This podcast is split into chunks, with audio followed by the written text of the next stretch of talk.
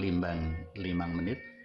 Kapethik saka Injil Matius bab telu likur ayat telu likur tekan ayat selawi.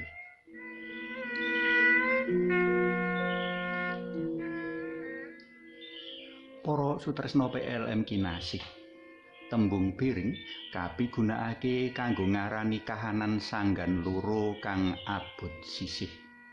Umpamane wae ana wong mikul keranjang isi watu utawa boto. Marga momotane ora imbang, mlakune dadi ora kepenak, kepara malah tambah gawe rekasaning awak. Rikala abot mburi lakune ndegek-ndegek, rikala abot ngarep lakune njlunguk-njlunguk.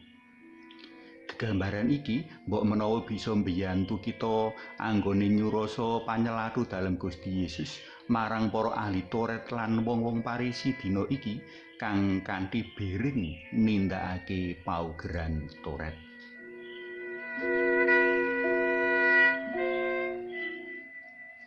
Ana terung perkara kang kudu dadi kawigatene manungsa jroning urip pasrawungan marang pepodo. Prakara mau yaiku welas asih, keadilan lan kasetyan. Welas asih yaiku prakara kepriye manungsa menggalih ngunandika lan tumindak demi ginayuh kabecikane liyan. Keadilan yaiku kupiya nggayuh kahanan seimbang antara sing siji karo sing sijine utawa saora-orane padha entuk cacakan kang murwat ing babagan hak lan kewajiban. Dene kasetyan yaiku kahanan kepriye manungsa tetep tuhu ing kabecikan jroning kahanan apa wae. Telung perkara iki mujudake dedasaring laku kanggo sapa wae amrih ginayuh kahanan ayem tentrem kerto tata raharja.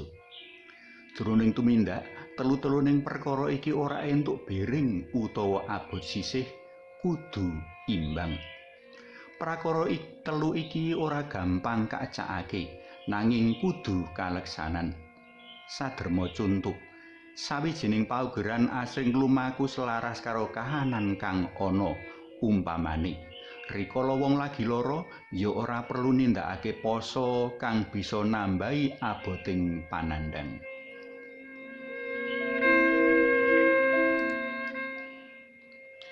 Para sutresna PLM kinasih manut pamawasku tepo selira sajake bisa dadi cara kang paling gampang kanggo ngecakake telung perkara iki. Welas asih keadilan lan kasetyan kanthi seimbang nek ora gelem lara ya aja gawe laraning liyan. Menawa kepingin urip kepenak ya kudu nyengkuyung kupiya kanggo ngepenakake uriping pepodo. Supaya bisa ndarbeni sikap tepo selira awake dhewe kudu gelem kulino nyilemi kahananing pepodo mligine pepodo kang sekeng lan kekurangan.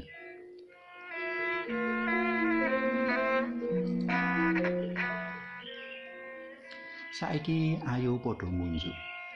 Kunjung asma dalem yang romo so yang putra tuwin yang roh suci amin. Alamo asih panci mboten gampil mujudaken dawuh karsa dalem ngupiya karaharjaning sesami kanthi nindakaken perkawis alandesan welas asih keadilan lan kasetyan nanging kawula pitados bilih sedaya wau saged katindakaken dening sok sinten kemawon ingkang tansah sumendhe dhateng paduka.